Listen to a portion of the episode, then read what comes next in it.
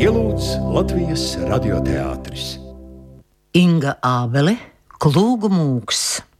Iestudējums Klūgu mūks ir neatkarīgās producentu biedrības esto veidots literārais lasījums ceļā uz Latvijas valsts simtgadi. Lasījuma autori Anta Rugāte un Juris Kalniņš. 2017. gada ieraksts. Romāna radiolasījumā darbojas Anta Rugāte, Uldis Anže, Mārtiņš Brūveris, Remons Selms, Mārtiņš Egliens, Gins Grāvelis, Juris Kalniņš, Daiga Kažociņa, Pēteris Liepiņš, Kristaps Rasims, Artis Robežnieks. 14. lasījums.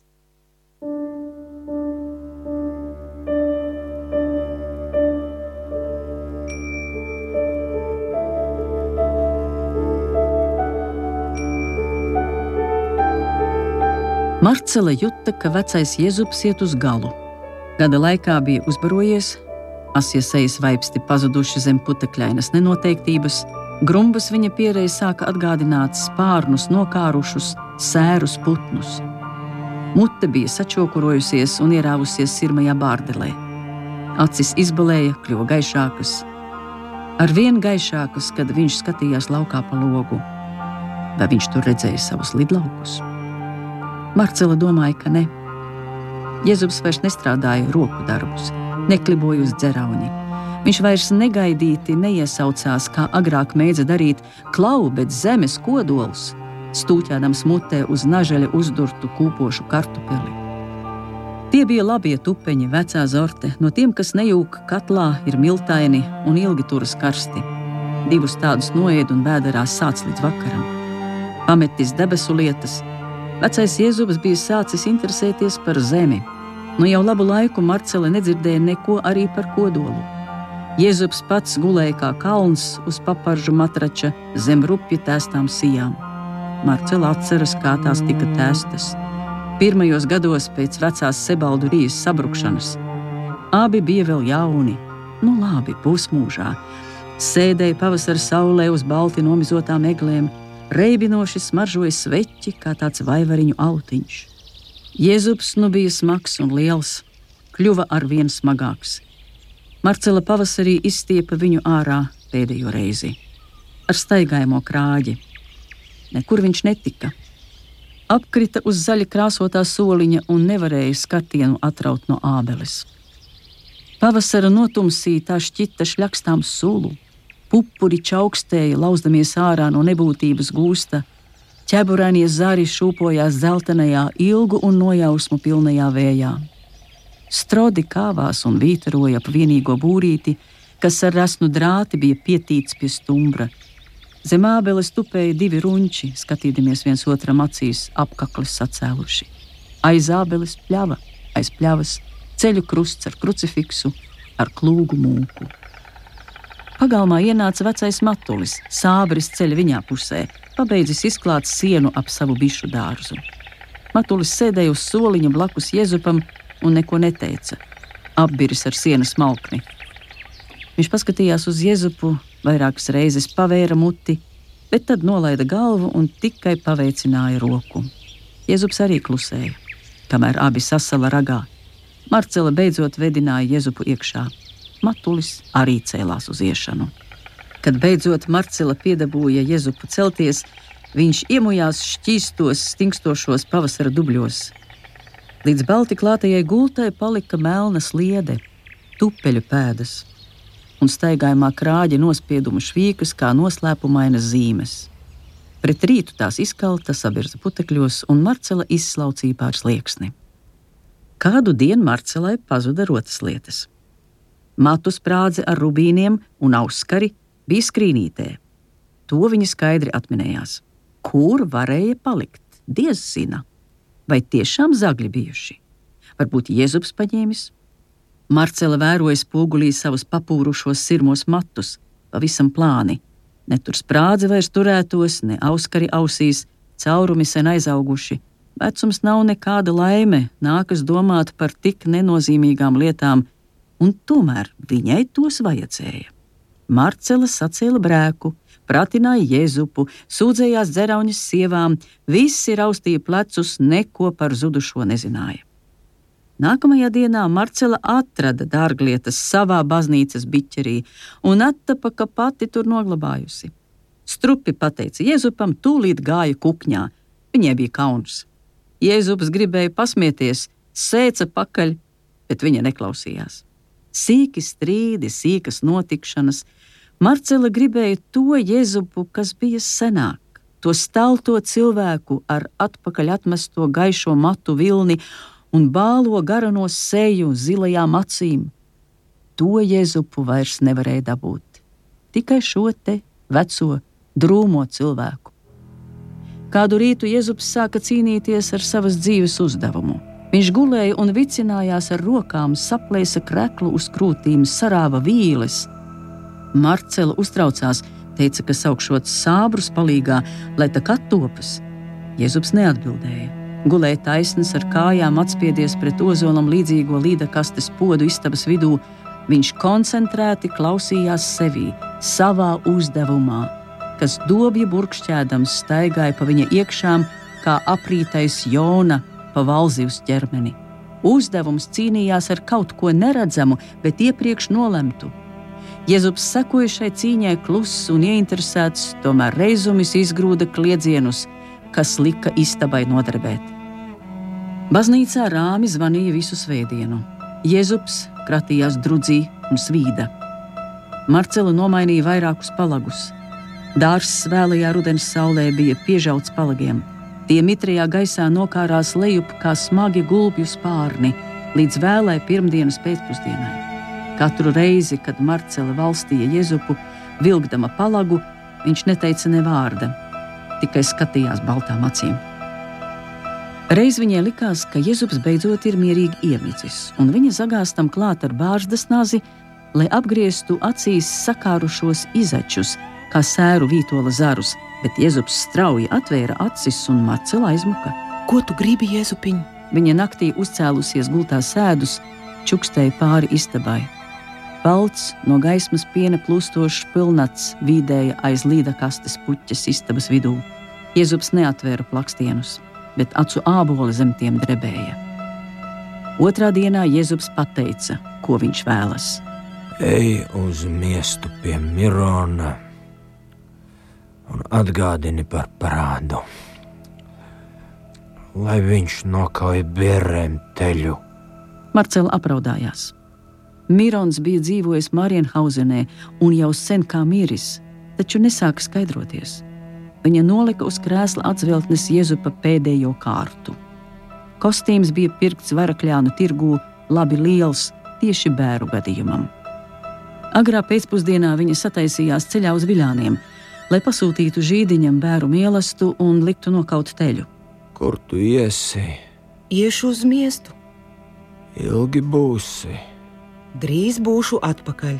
Jēzus neko vairs nejautāja, tikai sirdīgi nošņācās. Šķita, viņš nav apmierināts, ka viņam dots tik maz laika pabūt vienam. Marcela pinkšķēdama izgāja pa durvīm. Kad viņa pārnāca ap deviņiem, Jēzus uzmeta viņai atsvešinātu skatienu Tu gan ilgi biji prom, un piebilda: mazgāt, lai nāk Kira. Jēzus sāka elpot. Viņš elpoja divas stundas. Marcela brīdi pa brīdim ienāca istabā un skatījās, kā milzīgais vīra ķermenis dilst acīm redzami, kā kūstot svece. Jēzus dvašoja tā, kā nekad savā mūžā vēl nebija dvašojis. Tā tikai sievas pūš dzemdībās. Gaiss svelbdams staigāja šurpu turpu cauri viņa plaušām un nāsīm, cauri ādas porām, aizdegunas ejām un ausīm, pa katru matiņu, cauri nagiem un pirkstu galiem. Elpa strādāja, kausēja Jēzupa gadus nost, miesu nost, laiku nost, visu darīto nost, atpakaļ uz sākumu. Pēc kādas šaltiņas viņam palika vieglāk. Viņš jūta, ka spēja atbrīvoties no sava ķermeņa smaguma un pacelties gaisā. Prieca smacēja viņu nost, un vainas apziņa raudošās Marcelas priekšā. Bet priecāties bija pāragri. Viņš vēl nebija galā, vēl turpināja kust, un neredzamiem pilieniem pilēt viņa dzīves dienas, viņa mūža darbi.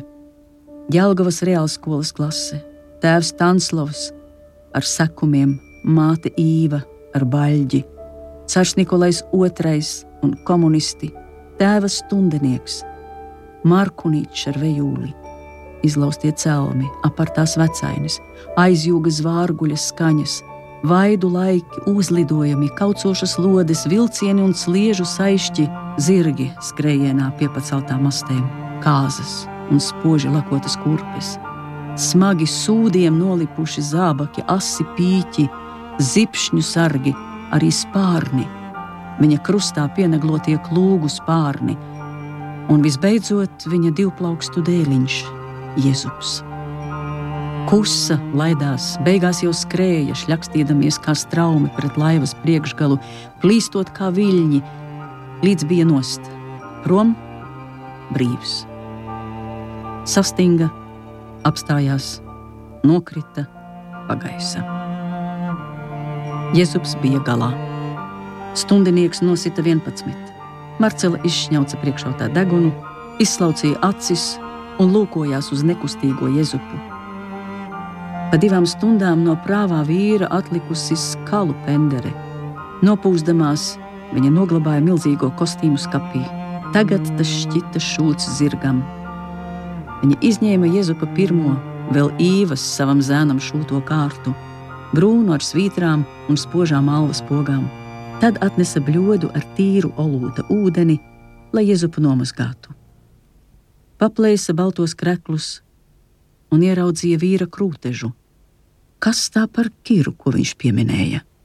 Lūkodamās uz kluso mūža draugu, Marcela apsēdās krēslā un iegrima dziļā stingumā, rokas klēpīs salikusi. 1917. gada februāra revolūcija gāza no troņa caru Nikolaju II, izveidoja mēreno sociālistu pagaidu valdību ar kņazu Ļuvovu priekšgalā un atnesa tautai dažādas galvu reibinošas brīvības - runas, pulcēšanās un gājienu brīvību. Pavasarī Pēterburgā sākās debatas arī par Latvijas nākotni. Tika rīkota sapulce pēc sapulces. Šajās apspriedēs dalību ņēma gandrīz visi pazīstamie Latvijas sabiedriskie darbinieki, kuri dzīvoja brūkošās Krievijas impērijas galvaspilsētā. Sapulču stilu viņa aizņēmās no revolucionāriem. Vispirms dokumentēja kvorumu, tad izvirzīja iesildošo personu. Itin bieži tas bija karstasinīgais kupcis Donats Skrejāns. Latvijai vajadzīga sava pašvaldība. Piekrītat? Sauca Skrejāns, uzrāpies tribīnē Latviešu kara upuru biedrības sanāksmē 12. martā. Publika viņam atbildēja ar svelpieniem un apstiprinošiem saucieniem. Tad no publikas iznāca Francis Čemme un nostūmis Skrejānu pie malas, pūlēdamies palikt mierīgs, vēsi jautāja. Kurš par savu Latvijas pašvaldību pavisam nejūt nekādā sakarā ar Baltijas latviešiem? Pacēla rokas, saskaitīja 23 balsis no 66 pārstāvjiem. Viņiem pretī stājās baznīcas kungs Francis Sebalts ar saviem atbalstītājiem. Kurš par visas Latvijas pašvaldības meklēšanu kopā, par brīvu Latviju, brīvā Latvijā? Par apvienošanās priekšlikumu balsoja 43 sapulces dalībnieki. Apvienošanās atbalstītāji bija jūtamā vairākumā. Tie turpat uz vietas sacerēja uzsaukumu tautai, aicināja atmest neusticību Baltijas latviešiem un sniegt tiem drauga roku Latvijas valsts celšanas darbā. Otrs svarīgs lēmums bija par to, ka visdrīzākā laikā Rēzeknē jāsasauc plašāku apspriedi, lai varētu nobalsot arī sabiedriskie darbinieki un gaišākie prāti dzimtenē. Tādas apspriedes sasaukšanai ievēlēja rīcības komiteju. Jau pēc mēneša, aprīļa sākumā, Reizeknē sabrauca 63 delegāti no visas Latvijas. Konferences ievada runā Francis Sebalds pastāstīja, ka senos laikos latvieši bijusi viena tauta. Svešinieki to saskaldījuši, Krievu patvaldība centusies iznīcināt, bet tas viņiem nav izdevies. Pa šo garo atšķirības laiku abas puses krietni atsvešinājušās, un daļā tautas masas radušās pat naida jūtas. Tagad iespējams saplosīto tautu savienot. Vairums runātāju atbalstīja apvienošanos ar baltiešiem.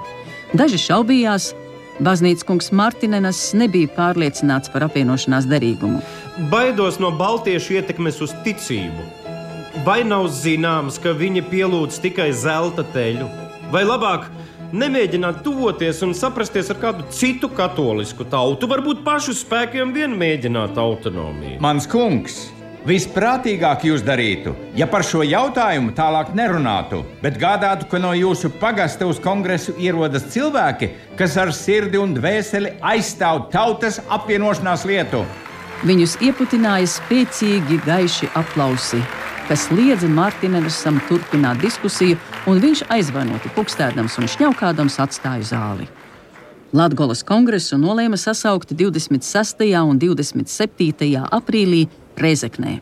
Aprīļa vidū, kad Petrogradā ar saviem tuvākajiem līdzstrādniekiem no Šveices aizzīmogotā vagonā ieradās Leņņņins, lai oktobrī ar Bolševiku partijas palīdzību izdarītu valsts apvērstumu un gāstu pagaidu valdību, Reizeknē ar sarkanu-baltsarkanu uzšuvumu uz kreisās rokas piedurknes pulcējās visa latgaļu inteliģence.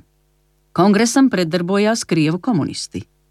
Latgola tuvu Daugavas frontei bija pilna ar krievu kareiviem, kam patika iejaukties pašvaldību dzīvē ar saviem manifestiem.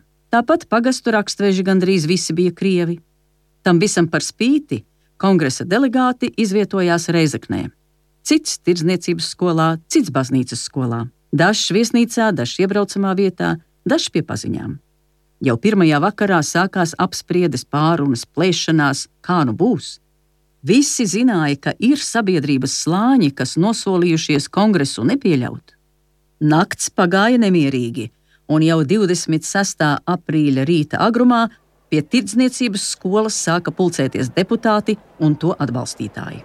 Ap desmitiem sākās plašs gājiens, plašākais kādu reizekne pieredzējusi. Ap 30 tūkstoši cilvēku devās pa ielu uz baznīcu. Gājiena priekšgalā soļoja orķestris, aiz tā latviešu strēlnieku delegāti kopā ar saviem virsniekiem, tad jaunieši, tirzniecības skolas un gimnāzijas audzēkņi.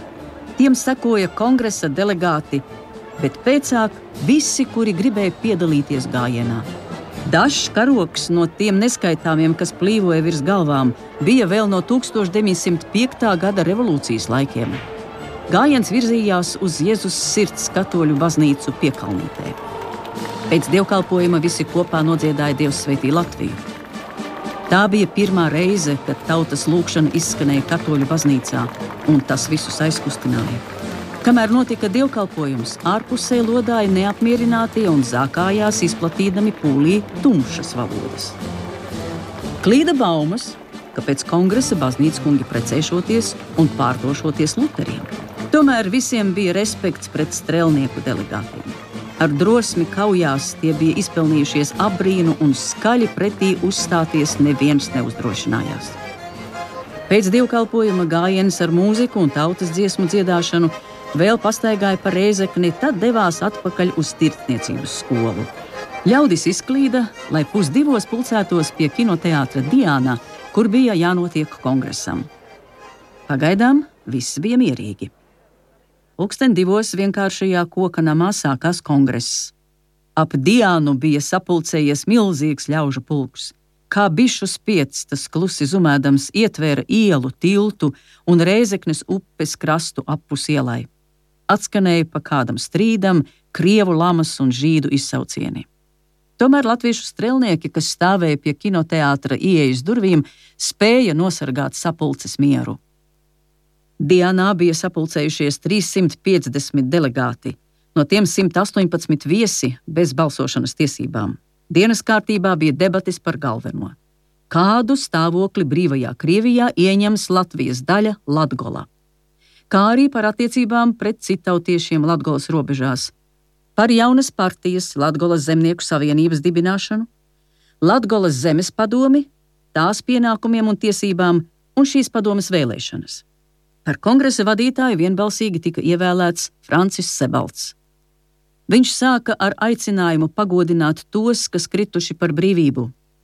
Visi svinīgi piecēlās un uz īsu brīdi gremdējās kapa klusumā. Tad tika nosūtītas apsveikšanas telegrammas pagaidu valdībai, strādnieku un karavīru padomei, Kūrzemes un Vidzemes zemes padomēm, latviešu strēlnieku pulkiem un Rainim, ar steigu kā izziņojot visumam par savu eksistenci. Lai kādas būtu beigas, un to nespēja paredzēt neviens, pats Sebalds, tomēr Latgolas kongress notika. Pēc īsa vēsturiska atskata Francis lūdza mierīgi un ar lielu nopietnību ķerties pie jaunās saimniecības un kultūras celšanas. Sākās apsveikumi kongresam. Vispirms runāja valsts padomnieks Zālītis. Viņam sekoja Meirovits no Vidzemes zemes padomes, strēlnieku sveicienus nesa Bārda, no Rēzeknes izpildu komitejas Kācenelenbogens, no Latgaļu pūļiem divi mužnieki Mantēfeļi, ebreju vārdā runāja Godzinskis, No latgaliešiem svešumā sveicināja Stukuls, bet kūrzemes katoļu sveicienu nodeva baznīcas kungs Kublinskis, kurš teica, ka aiz Daugavas dzīvo 50 tūkstoši kurzemnieku katoļu, kuri grib vienoties ar saviem tautas brāļiem.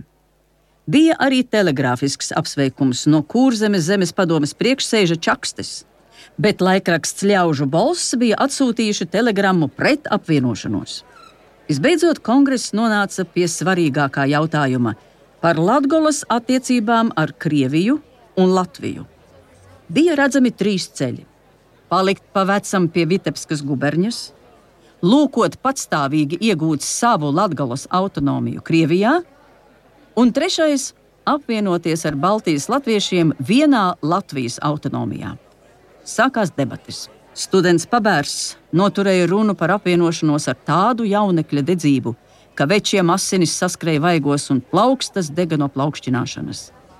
Kad aplausi noklusa, varēja dzirdēt neskaidru pūļa murdoņu aiz koka nama sienām. Izlikās, ka ap kinoteātrī sakāpuši palu ūdeņi, kas draud aizskalot Diānu kā rieksta čaumalu. Visi ar interesi gaidīja, ko darīs Franča ķemmes grupa, kas bija kongresa delegāti, apvienošanās pretinieki. Ķemme uzkāpa tribīnē un runāja par latgaļu politikas mērķiem. Ķemmes domas visiem bija zināmas. Runa asa un domāta galvenokārt savam oponentam, Francim Sebaldam. Es gribētu tomēr atkārtoties un jautāt kongresam par apvienošanās nosacījumiem. Vai starp tiem ir vietējās pašvaldības paturēšana un valodas līdztiesība? Skatieties, tā dokumentā. Es redzu, redzu.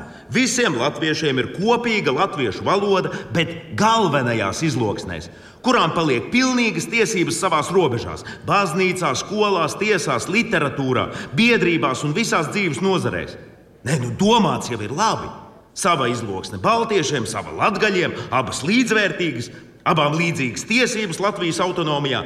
Tikai, manuprāt, Baltieši savu valodu līdz izloksnei nekad nav domājuši degradēt. Pie viņiem tā saucas par latviešu valodu, kurai starp vairākām citām ir arī latgaļu izloksne. Valodas tiesību nosacījums ir vis tālāk ejošais. Man ir tāds jautājums. Kurš no pārējiem Latvijas apgabaliem šos nosacījumus akceptēs un kas garantēs to ievērošanu turpmākā dzīvēm? Vai tas ir pazīstams arī pie Baltijas latviešiem? Tur pārunāts un sabiedriskajā domā akceptēts. Zālē izcēlās troksnis. Ķemmes sacītais no mutes mutē izviļņoja arī pa kinoteātra durvīm, un pret nama sienām atkal sāka sisties satrauktu balsu viļņi. Šis ir latgaļiem ļoti neizdevīgs formulējums, kas grauj visas mūsu labās pozīcijas. Francis Sebaldi, jūs esat akls. Jūs to pamanīsiet tikai tad, kad pats sāksiet lietot apzīmējumu latgaļu valodu. Bet tad jau būs par vēlu. Ko jūs gribat? Pēc tāda apvainojuma Sebalds pieleca kājās. Mēs gribam autonomiju, un mūsu ir daudz, visa Latvija. Nepārspīlēsim. Pa lielākajai daļai no Picera atvesti strādnieki. Nav svarīgi. Mēs gribam garantijas, ka netiksim no baltiešiem apspiesti ne valodas, ne ticības ziņā. Baltiešu starpā sākās klusi pārspriedumi līdz Meirovits sauca no savas vietas. Nekādi spaidi vai ierobežojumi no Baltiešu puses Latvijai nav iedomājami. Garantijas! Publika svārstījās, un kongresa iznākuma groži sāka negaidīti slīdēt ārā no Sebalda un viņa domu biedru tvēriena. Francis saprata, ka viss atkarīgs no tā, ko viņš pateiks. Viņš sakopoja domas un argumentus, un nespēja atrast neko labāku par savu paša visciešāko pārliecību. Garantiju pieprasīšana atraidīta. Kongress pat labam tādas nespēj sniegt. Un, ja kāds pat labam tās spētu sniegt šajā politiskajā situācijā, tie būtu salti meli.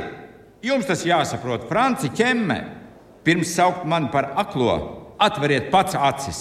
Ir pasaules karš, notiek revolūcija. Tātad šis jautājums uz balsošanu tiks likts bez garantijām. Bez garantijām. Mani kungi, mums reiz jāizšķiras, vai kopā ar barbariem uz austrumiem, jeb ar kultūru uz rietumiem. Jūsu demagoģija nepārliecina. Mēs kongresu atstājam. Visu labu!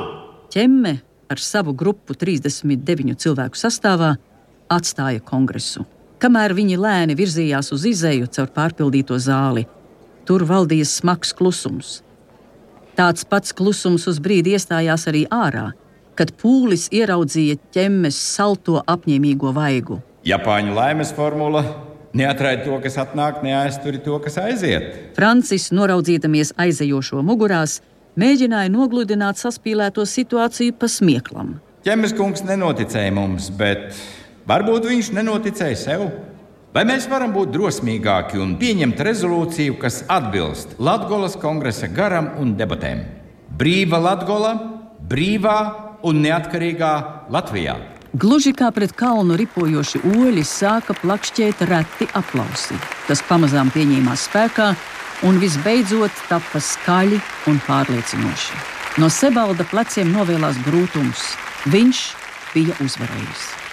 Kongresa lēmumu svarīgais punkts bija ietverts otrajā rezolūcijā, kas izskatījās tā: Mēs, Latvijas latviši, apsavienodami ar kurzemes un vidzemes latvišiem, paturēsim savu pošvaļdēbu, pilnu pošnoteikšanos tīsēbu, valodas, ticības, baznīcas, skolu un saimestības, kā arī zemes vaicojumā.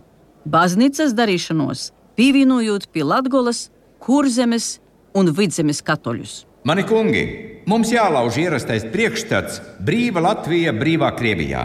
Jādomā, kā praktiski atšķirt Latviju no Vitebskas guberņas un izvest Latvijas neatkarību dzīvē. Lai tas notiktu, mums jāievēl Latvijas zemes padome, kam atdalīšanās gadījumā jāpārņem faktiskā zemes pārvaldīšana. Kongresa lēmumu pieņemšana notiks rīt, Tirzniecības skolas telpā. Līdz tam visas rezolūcijas ir rediģējamas. Nekavēsimies ar priekšlikumiem. Tikmēr no ārpuses pieņēmās spēkā kliedzieni, ka kinoteātrim vajag aizbarikādēt durvis, aplaistīt ar petroleju un aizdedzināt. Strēlnieki centās pūli nomierināt, bet drīz pret Dienas sienām sāka sisties akmeņi. Saniknotie uzbrucēji izlauza sētu un aplenca koka namu. Troksnis ārpusē bija tik liels, ka nevarēja sadzirdēt runātāju. Daži devās laukā, lai nomierinātu pūli, bet izbijušies no apdraudējuma, griezās atpakaļ. Tur ir apbruņoti cilvēki, arī krievu armijas zaldāti. Ārā satumsa. Pulkstenis jau rādīja deviņus vakarā. Ko darīsim? Jāturpina kongress līdz rīta ausmai. Tad viņi uzskatīs, ka ir mūs iebiedējuši.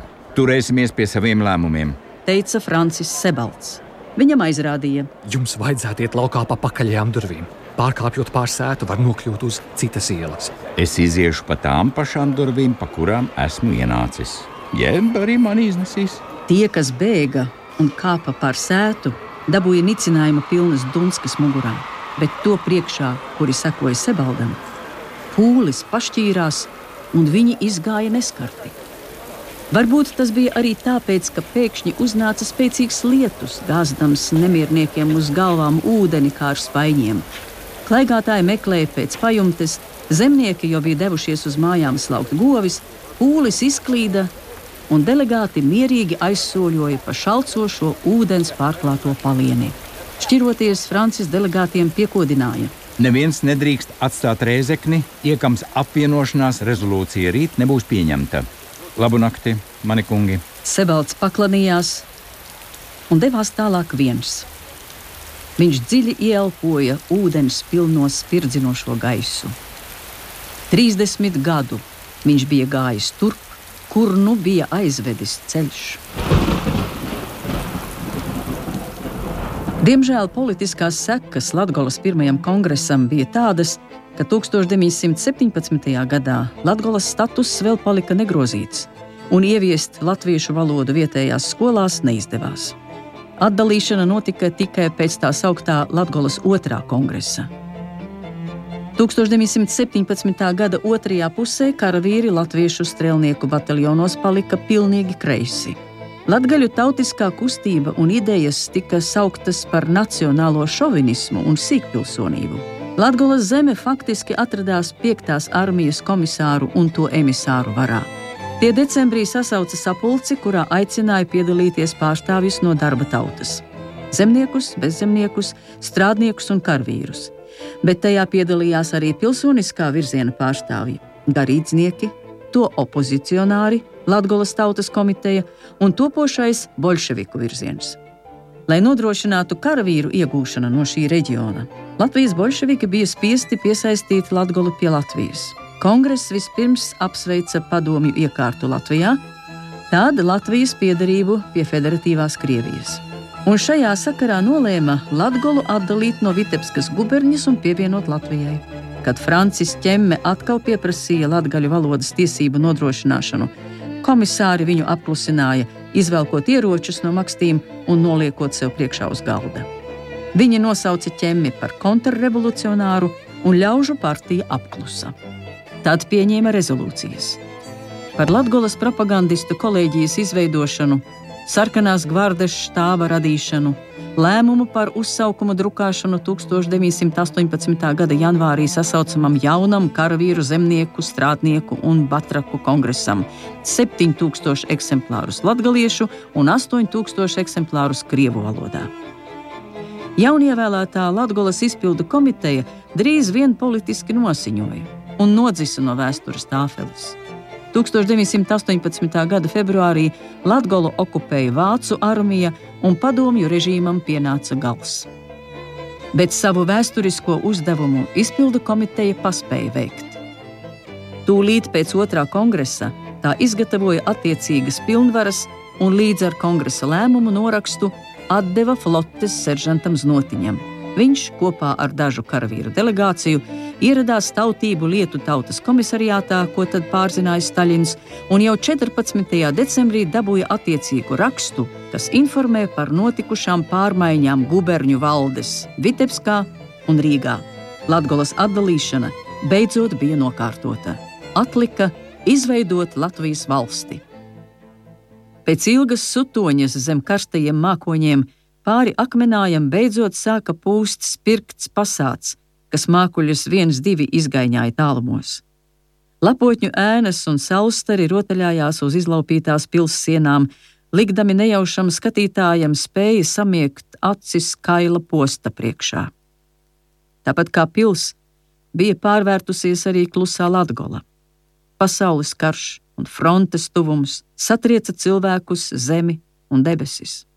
Artilērijas šāviņu atbalsīs Dunēja zeme, Izplatījās baumas par Rīgā dibinātu Latvijas valsti, bet tās bija un palika baumas. Doma par Latvijas valsti esot tikai fantastu pļāpas. Tauta nogaidīja, lūkodamās savas zemes caurskrējējos, kuru bija nemazums, visādu krāsu un pārliecību. Amatpersonas no tikko ievēlētās Latvijas zemes padomes meklēja sakarus ar vidzemes un kurzemes padomēm, jo saprata, ka pašu spēki būs par vājiem. Tie, kas spēja pārvarēt bezcerību un bailes no terora, gāja par runātājiem uz pagastiem, organizēja tautas sapulces un mēģināja darīt visu, lai izplatītu ideju par latgaļu pašnoteikšanos. Brūkošās impērijas drupas draudēja samalt putrā sīkās tautas. Tikmēr frontes līnija, kas pa Daugavu sadalīja Latvijas teritoriju Baltā un Sarkanā pusē, neizturēja un pārlūza. Vācu armija 1918. gada sākumā pārgāja Daugavu un sasūcās Latgolā kā tinte dzēšlapā, bet tā paša gada beigās sabruka arī vācu vara. Un aiz viņiem Latgolu divus gadus savās rokās turēja bolševiki, dedzinādami un slepkavodami uz urrā. Bolševiki bija arī pašu vīri, dēli un brāļi, kas karā aiziedami lika māsai rakstīt kara karodziņu, bet atgriezušies to publiski saplēsa. Atkrituši no ticības un likumības, kas šajos tumšajos laikos bija lēta un neizdevīga manta, lielinieku mītiņos Petrogradā iemācījušies atbrīvot savus dzīvnieciskos instinktus kliekšanā un bļaušanā, cepures gaisā mētādami viņi nepieņēma malā stāvēšanu un nonāvēja par klusēšanu. Viscienījamākie tagad bija tie, kas neprata ne rēķināt, ne lasīt, ne krustu pārmest. Viņi prata šaut. Tajā rudenī no akmenāja nebija aizbēguši tikai divi vecie mūžas iedzīvotāji Piķieris Kornelijus Velostotskis un pāri par simts gadus vecais grāmatnieks Vince, ko tautā sauca par veco Vincentu. Pēc aeroplānu uzlidojuma viens pakauveida mūžas sāns ar visu torni bija nodrupināts, bet centrālajā zālē iemitinājies revolucionārais tribunāls, no sākuma sešu, vēlāk trīs cilvēku sastāvā. Viņi bija iekārtojuši savu naktsmītni Modesta Rožkranča pāva bibliotekā kuru apkurināja ar grāmatām, un nepievērsa nekādu uzmanību abiem sirmgalviem, kam tāpat bez speciālas iznīdēšanas nāve klimta pa pēdām kā pagājušais laikmets. Abi veči nekautrējās izrādīt, ka smadzenes sagājušas sviestā. Viņi kliboja pa pili kā divi susātivi un redzēja sen mirušus kungus, kam paklanījās un kuru priekšā vēra durvis apsprieda, kā būtu iedalāmi darbi jau piektajā gadā nosvilušās mūžas rijās. Pēcpusdienās viņi klīda pa apkārtējām sētām un meklēja kādu dzīvu dvēseli, kas iedeva maizi vai čarpāgu uz upas, bet vakaros sēdēja divstāvu tornī pils dienvidu rietumu spārnā, dzēra tēju un lūkojās, kā saule krīt pār apdauzītajām skulptūrām un izpostīto iekšpagalmu, kur cita pār citu krājās atlūzas un atmiņas no bijušās godības, manēžas, staļļiem, kalpu mājām, lopu un medību suņu klāviem, moderniecības, siernīcas, ceptuves, oranžērijas. Pils fasādes priekšā bija parādas laukums ar apstādījumiem, parks un mazā luterāņu baznīciņa, ko Modesta Sensis pirms vairāk nekā gadsimta bija dāvājis savai vācu sieviņai dzimšanas dienā bet uz to pusi abi veči, kā sarunājuši, centās nelūkoties. Tur jau gan arī vairs nebija ko redzēt. Parks bija līdz pusē nocirsts. Simtgadīgi celmi, kā kūrmuļu rakumi, ietvēra pili. Tos pamazām pārņēma violeti gunspuķu viļņi. Kad ar padomju varas lozungiem un dziesmām akmenājā iesoļoja sarkanā armija, patriecot vācu armijas daļas, izkolata Latvijas padomju valdības hidrotehniskā nodaļa izcirta ozolus, ošus un liepas, izvedot tos spekulatīvā nolūkā uz iekškrieviju. Viņu nolūks tika atklāts un spekulanti uz vietas nošauti, bet skats uz parku palika nožēlojams. Šausmas abos vecīšos iedvesa tas apstākļus, ka revolucionārā tribunāla sēdes tika noturētas Lutāņu baznīcā, kur altāra vietā pie sarkani klāta galda sēdēja tā sauktie tiesneši, akmenāja trojka. Tiesas vakaros no Birstelas aiz sarkanās baznīciņas atskanēja asi šāvieni. Abi vecīši, kas tūņādamies segās, tupēja savā aplupušajā tornī un vēroja saulrietu, raustījās šāvieniem līdzi kā neredzamu rīkšu cirsti. Pēc tiesas vakariem Trojka krietni uzdzīvoja pa modesta vīna un spirta pagrabiem, uzņēma viesos mečus, kurinādami modesta bibliotekas kamīnu ar modesta grāmatām. Īpaši karsti un ilgi dega tās smagās enciklopēdijas franču valodā ar smalkām, plānām, jo plānām zeltmalu lapusēm un bieziem teļādas vākiem. Otrā rītā viņi cēlās vēlu, ar sāpošām galvām un ilgi nekustēja ārā no bibliotekas. Vēma un dirsa kamīnā vai lielajās keramikas vāzēs laiku pa laikam zvanīdami ar modesta bronzas zvanu, lai veči pa durvīm ieliek spaini salta ūdens. Tādos rītos pie sirmgalviem ciemos nāca Francis Sebalts, prezmu draugs prāvests, pārģērbies par zemnieku. Kā ēna viņš atdalījās no krūmiem, uzkāpa pilsētas turnī un visi kopā vārīja tēju. No veču acīm pazuda zilganās plēves, viņa pārstāja tēlot jukušus bezprāšus, un karsti kaistošiem skatieniem lūkojās uz stalto baznīcu kungu kā uz savu pagātni, mēģinādami ar atlikušo dvēseles spēku viņā iedēstīt iespējami daudz saprašanas par dzīves svarīgākajām lietām. Tajā rītā pār akmenāju bija nolaidusies maigā rudens saule. Lai pagodināts kungs Jēzus Kristus. Palocījies, teica Francis, Pirms tam labu laiku ar maigumu vērodams divus vecos, kankarainos stāvus pie apaļā galda torņa zāles vidū. Tie viņa acīs uz brīdi izmijās ar diviem citiem tēliem - Platonu rožkranci pāvu un zuzi. Platons tur pie loga, rokā tējas tase, blakus zuze. Zuzē zem sirds gabals to abu kopējas miesas - bērns. Francim nepatika to atminēties. Viņš dzina šo atmiņu prom. Vincents steidzās pie Franča, ārkārtīgi uztraukts, plātīdamies ar rokām, vēloties kaut ko pavēstīt, bet lielais vecums bija atņēmis viņam valodu, un mēlē spēja šķiest tikai siekalu viļņus. Ārkārtīgais satraukums vecā vīra stāvokli padarīja vēl grūtāku. Viņš guldzēja, klanījās un plātījās ar rokām ap Franci, kā riestā meža balodis. Viņa acis pauda baismas, bet pār lūpām vārdi nenāca. Kornelijus devās palīgā savam draugam. Viņš grib jūs brīdināt, godājamais.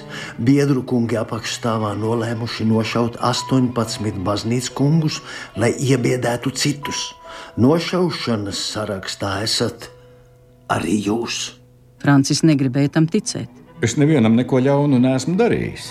Es nepiedaru ne pie Baltās, ne sarkanās armijas. Mana armija draudzējas slimie, kas jāapkalpo, un bērni, kas jāmāca. Mans ierocis ir evaņģēlīja altāris un ambona. Vinca bargi kratīja ar pirkstu un atkal sāka īdēt. Belostotskis tulkoja. Frančs, jums vajadzētu bīties. Nautrēna draugs priesteris Martinenas teica tāpat, un kāds ir iznākums? Nonāvēts! Nonāvēts! Iesaucās Francis, un viņas sirds sažņaudzās, atceroties divus gadus atpakaļ spraigās debates pirms Latvijas pirmā kongresa. Piesardzīgais un vienmēr akurātais prāvests bija kļuvis par pīšļiem. Kad aizsals Lubāns, posieties uz Rīgu. Sebalds paberzēja pieri, it kā ap to būtu savēlušies domu putekļi. Es jau pats visu laiku domāju, ko darīt. Paņemt revolveri, salasīt labāku ļaužu pulciņu un aizstāvēt savām krūtīm tagad samīdīto brīvību, taisnību, cilvēktiesības. Ko sakāt? Viņš pavērās uz vecīšiem. Vincents atkal bija paslēdzis drebošu pirkstu. Kornelijus stulkoja. Jūs esat baznīcas kungs, tās domas jums vajag atmest. Tad pietiks par to. Padzersim čaju un šķirsimies ar prieku. Vincents izvilka no stūra greznu rožkranču pāvu dzimtas samovaru ar zelta un zilām rozēm uz melnas emalijas fona. Viņš attina zīdpapīra paciņu ar kaltētu, fermentētu gunspuķu tēju, Ivan Čai. Abi večuki paši to bija savākuši un raudzējuši, klejodami pa gunspuķu pārņemto akmenāju. Ko jūs te strādājat? Francis pacēlāja uz galda pamesto manuskriptu. Ai, to mēs papildinām un pārstrādājam. Šo traktātu es iesāku vēl viņā nejaukā gadsimtā, kad Sankiloti zemi dalīja pie nelaiķa grāfa Modesta. Lai viņam vieglas smiltis un iesūtīju medību žurnālam. Tas ir par kurtu sugu audzēšanu un medību kārtību. Jā, kungs, tas bija 1007.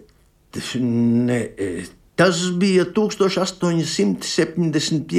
gadā. Jau tad es biju vecs. Ļoti interesanti, teica Francis, aplūkodams ar Vincenta drebelīgo roku pārakstītās lapu kaudzes.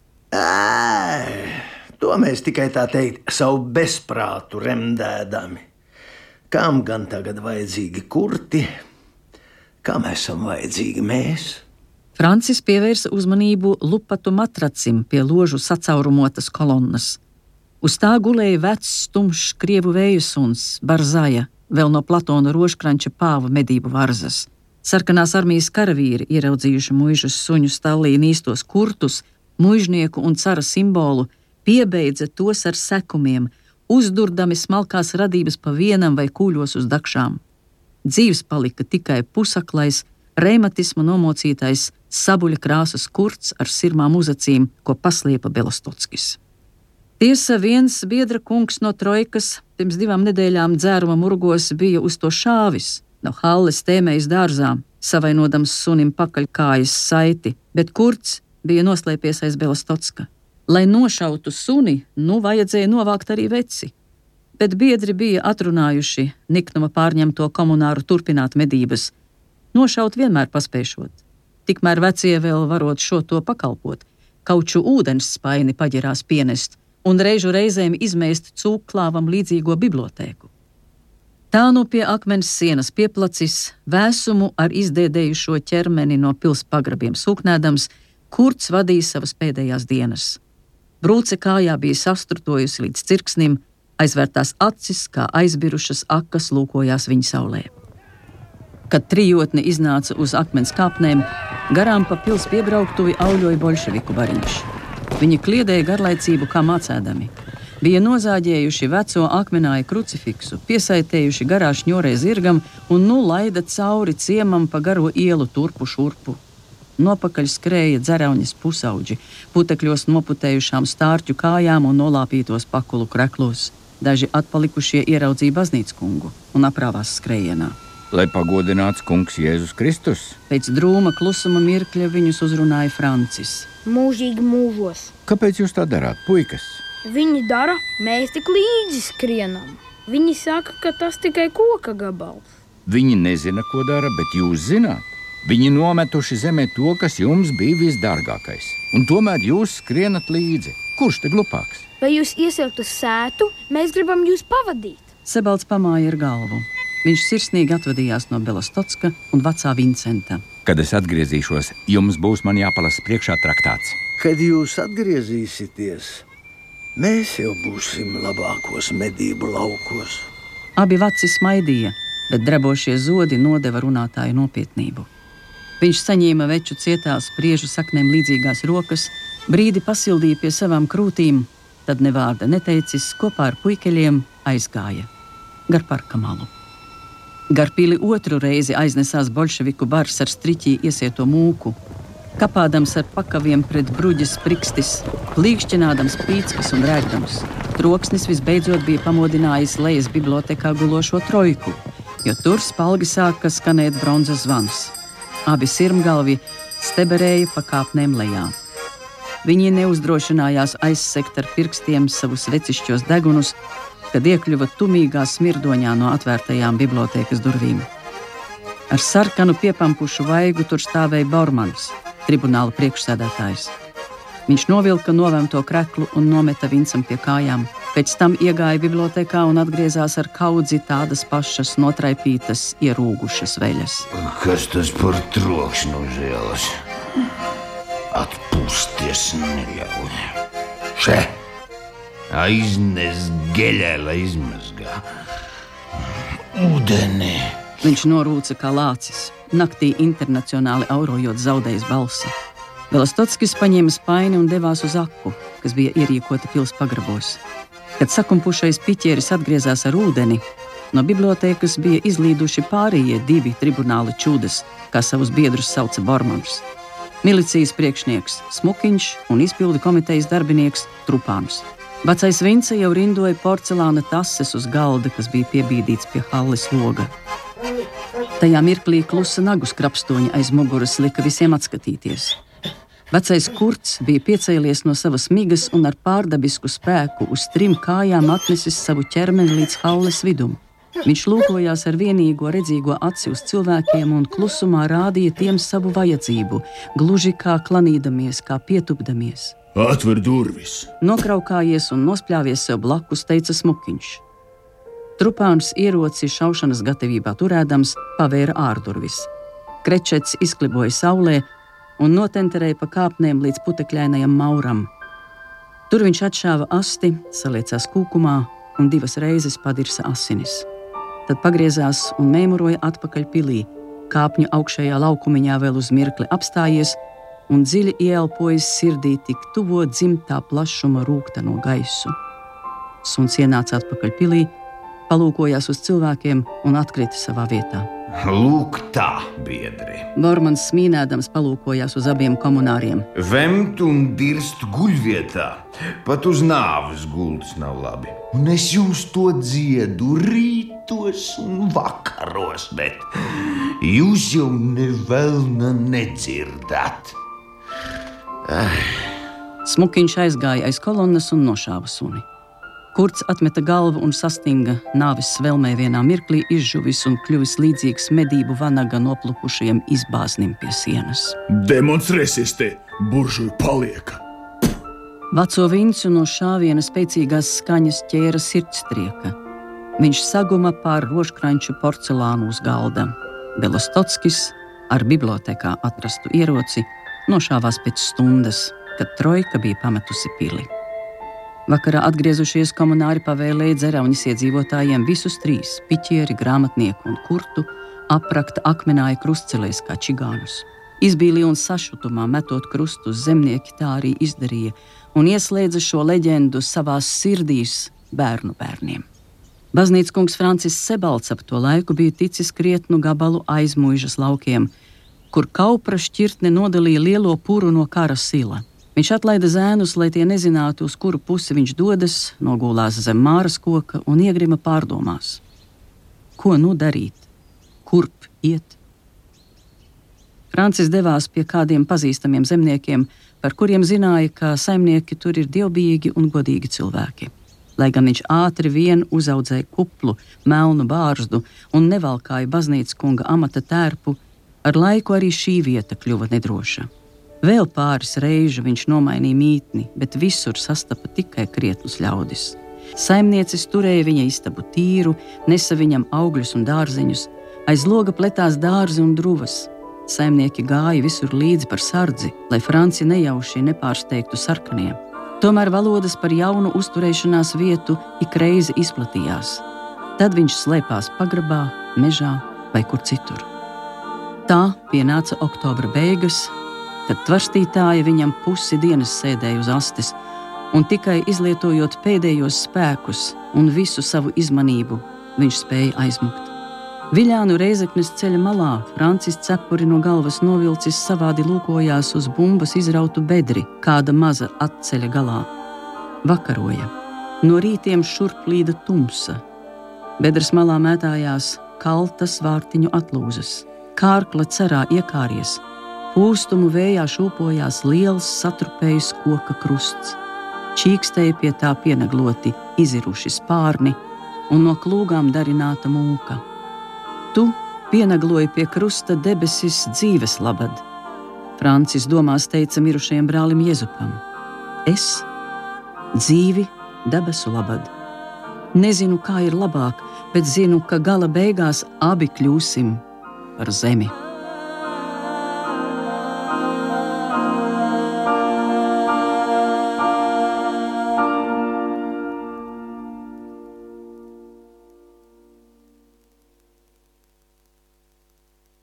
Izskanēja Latvijas Latviešu kongresa un Latvijas valsts simtgadē veltītais Inga Sābeles romāna Klūgumūks Latvijas radio lieli ieskaņojuma 14. lasījums. Radio lasījumā darbojās Anta Rugāte, Uldis Anže, Mārtiņš Brūveris, Remons Selms, Mārtiņš Egliens, Gins Grāvelis, Juris Kalniņš, Daiga Kažociņa, Pēteris Liepiņš, Kristaps Rasims, Artis Robežnieks, komponists Juris Vaivots, skaņu režisors Andrijs Krenbergs, režisors Juris Kalniņš. 2017. gada ieraksts.